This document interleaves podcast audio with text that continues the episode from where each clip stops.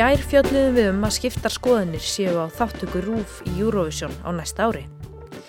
Ekki eru allir og eitt sáttir við að Ísland deili sviði með Ísraelum á meðan þeir standa í grimmilegu stríði. Stjórnendur rúf benda á að það sé EBU, samband Evrópskra sjónvarpstöðva, sem seti reglurnar og fari með valdið í málefnum Ísraela í næstu keppni. Fáir vita hvað EBU er en verða vonandi einhvers vísari næsta korturinn eða svo. Þessi þáttur er ekki síst fyrir Eurovision nörda sem allt vilja vita um þessa keppni. Gestur okkar í dag er Jónatan Garðarsson. Hann er dagskráriðstjóri í Rásar 1 en hann hefur í áraræðir starfað innan EBU og leitt sendinemdir Íslands í söngakeppninni. Hann þekkir hlutverk og sögu sambands Evrópskra sjómarpstöða og segir það snúast um svo miklu meira en bara Eurovision. Við ætlum meðal annars að ræða hvernig EBU snýr sér í eldheitum pólitísku málum eins og þegar aðeldaríkin eru í stríði. En við byrjum á algengum miskilningi. Áðan þegar við vorum að tala saman þá sagður mér að Eurovision er ekki söngvakeppni, Eurovision er gerfinöttur. Já sko, uppalega er hugtaki Eurovision, eða Eurovision, eh, samsláttur eða samtenging á útsendingar getu og þá var það þannig að þetta fór í gegnum bara símalínur og það var þannig í Kanada frá 56 1968 þá er skotið á loft gerfinetti sem heitir Eurovision. Og þar þessi gerfinettur sem við erum alltaf að taka móti efni frá og senda efni út í gegnum en hér eiginlega Eurovision er hugtakt til að byrja með um samtengingu í gegnum síma og síðan í gegnum gerfinött það er ekki söngvakefni Jónatan segir að samstarf Európskra sjónvarpstöðva sé gríðarlega mikilvægt fyrir líðræði og frettaflutningi í aðvildalöndunum. Það þjóni einni mikilvæg hlutverki við menningamiðlun landana. Engin spurning, þetta, er, þetta skiptir gríðarlega miklu máli. Eh, það að við fáum sömu frétturnar, sömu veiturnar uh, á, á sama hátt skiptir máli. Hins vegar eru við núna á nýjum tímum þar sem að flæði upplýsinga er miklu auðveldar heldur en að var þá. Og það getur vel verið að, að þetta batteri sé bara komið á tíma. En um hvað snýst þá samband Evrópskra sjónvarpstöðva? EBU er sem sagt European Broadcasting Union eða samstarf Evróskra útars og sjónvarpstöða og þegar ég segi Evróskra þá er það ekki alveg rétt í að þetta nær miklu víðar en það Þetta eru 56 lönd í dag, 116 meðlimir og þar fyrir utan eru 34 aðeila sem eru samstagsaðeila sem eru annar staðar í heiminum. Þannig að þetta er miklu starra heldur en, heldur en uh, fólk reikna með að gera ráð fyrir.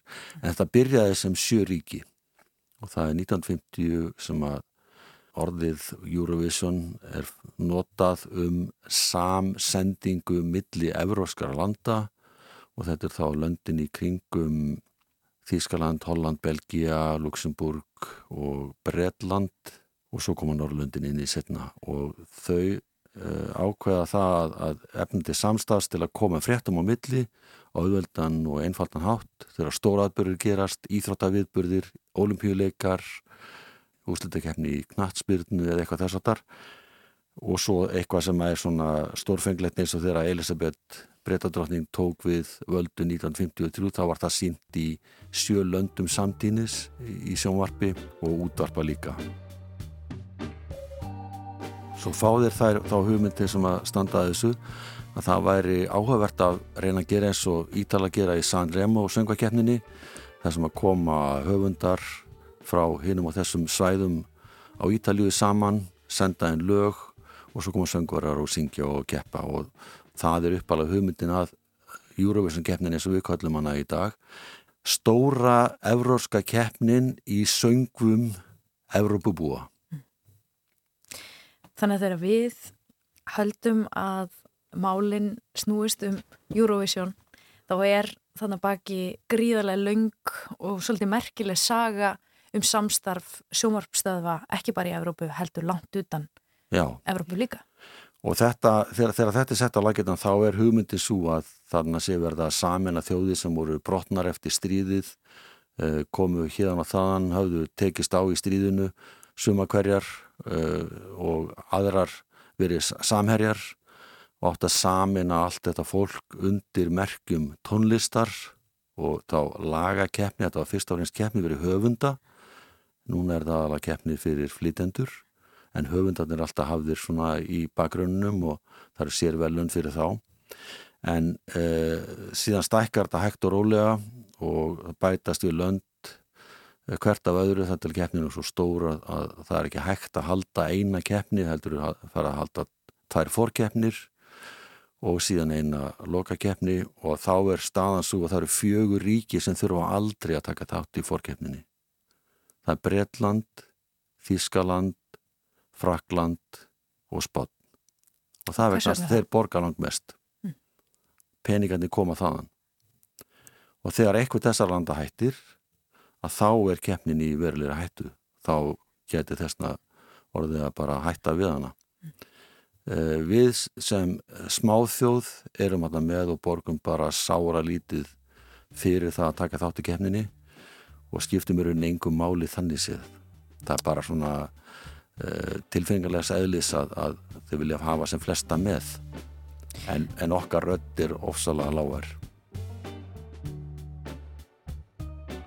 Segð okkur aðeins frá svona þínum kynnum af EBU og uh, söngakefni Evróskra sjónvarstöða.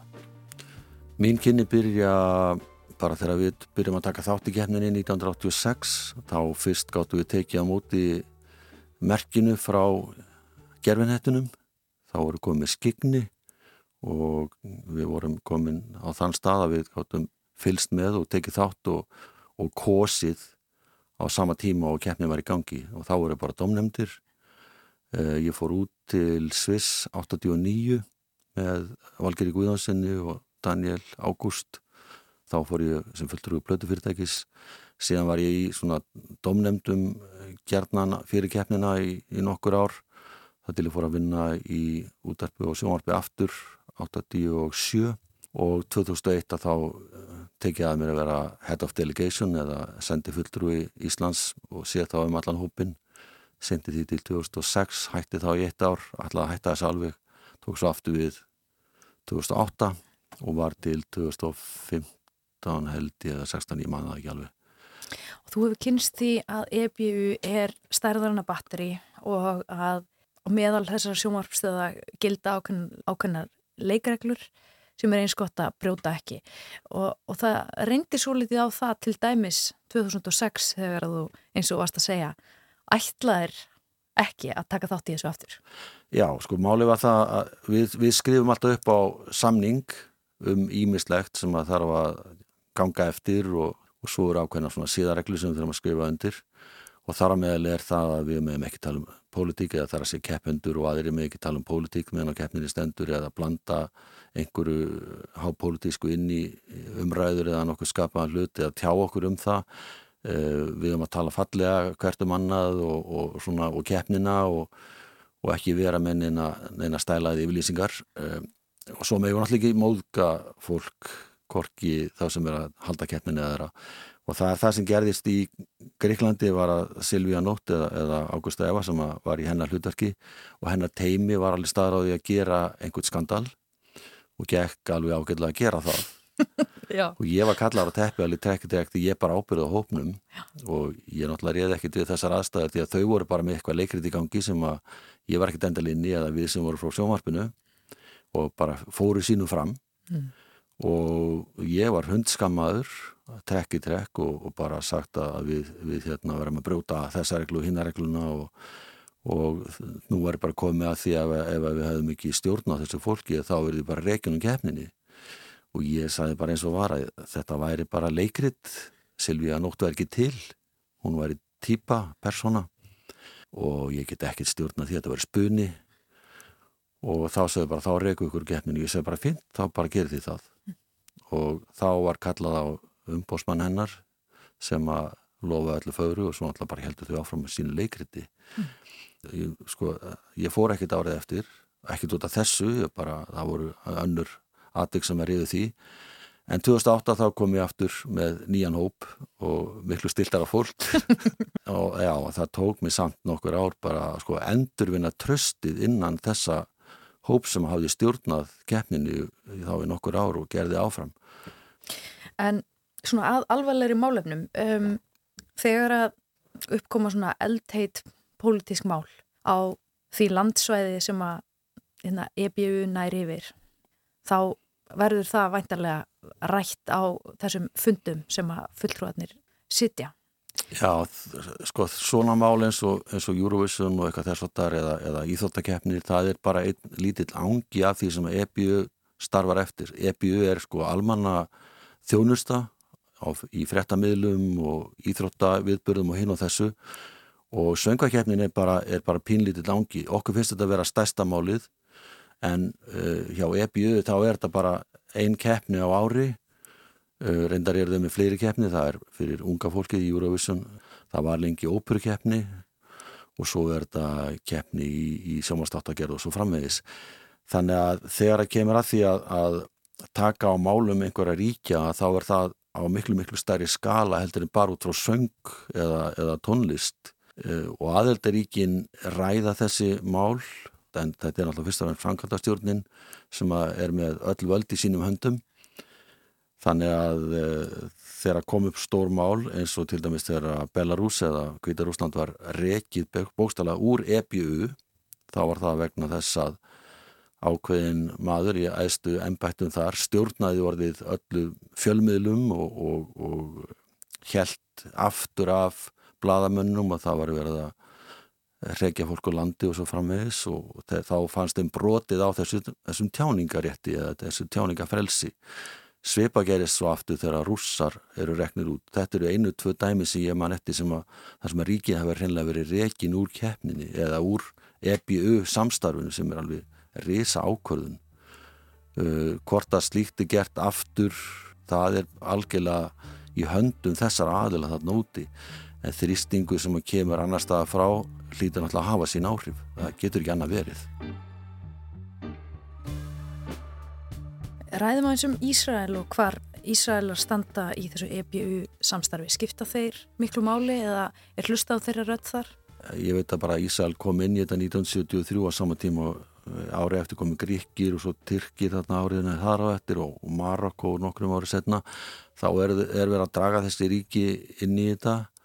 Ísraelar hafa uh, haft sterkar rödd en það var þannig til þess að ég var að byrja að taka þátt í þessu þá voru Ísælsku sendinefnunar aldrei á hótelum nálat okkur.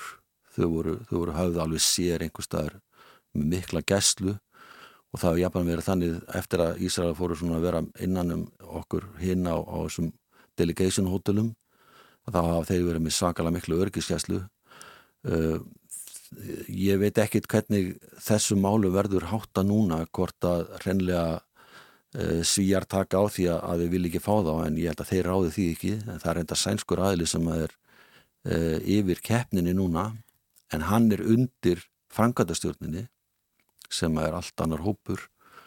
Og uh, við vitum það alveg að Ísrael hafa sterk tök út um allan heim. Það fer ekki að milli mála. Og það getur vel verið að komið þrýstingu frá Norðurlöndum og getur vel verið að komið þrýstingu frá einhverjum öðru löndum og mér finnst það ekkit ólíklegt en hvernig þetta, þessu verður háttað er, er ómulgt að segja sko. mm. þó að við myndum draga okkur út í keppninni þá hefur það engin áhrif í raun og veru ekki að þessu, þessu leiti það er bara moralst, symbolst en það menn ekki sko, snúa hjólinu Ræðum aðeins um það þegar að hatari fór sem framlag Íslands til, um, til Ísrael Já, ég náttúrulega var ekki á stanum og, og sá þetta bara utanfrá en ég átti að meðlega því að, að þau ætla að fara á skjön við þær reglur sem að ríkisútarpið er búið að skrifa undir að hlýta og gerðu það svo sannana að þau ætlu að vera í, í samskiptum og samtali við palestínumenn og gerðu það. Eh, þetta var ekki vel liðið af hálfu Ísælsmanna og ekki af hálfu EBU eða yfirstjórnar Eurovision keppninar og ég veit að sá sem tók við að mér í þessu hlutverki, hann fekk tiltal nokkru sinnum og var bara í sömu stöðu eða svipar stöðu ég út í Greiklandi og gæti rauninni ekkert gert eða, eða bara máli var ekki í hans höndum. Þannig að e, og, en hann er samt sem aður kosin eftir þetta í stýrihópin þannig að e, kannski er, er epið orðið vanar því að við látum öllum ílunótum, ég veit það ekki En svo hefur skapast hávar umræða í samfélaginu um það hvort að Rúf vilji senda fulltrúa til Svíþjóðar nú þegar geysar þetta stríð. Um, hvernig blasir það við þér, svona þessi umræða? Sko, ef ég á að taka þetta diplomatist, þá á þetta að vera ópolítist og ef ég snýtt blæðinu við að segja hvað er pólitík, er það fríðarumræður, er það fríðarbóðskapur eða er það bara átök? keppnin er sett upp til þess að stilla til friðar og eins og olimpíuleikarnir það, það eiga allir að standa jafnir og, og þetta á að vera svona jafnræðisgrunni og það hefur verið þannig svona í orði hvernu hvort, hvort að við draugum okkur út úr keppninni að því við viljum ekki keppa á þessum grunni þar sem að Ísæl er þetta er rosalega erfið spurning og, og ég er og ekki þessu umkomuna svarinni Og þá er okkar tvekja þátt að umfjöllunum Eurovision og Politík lokið. Þóra Tómasdóttir þakkar samfélgina í dag. Þetta helst verður aftur á sínum stað á morgun.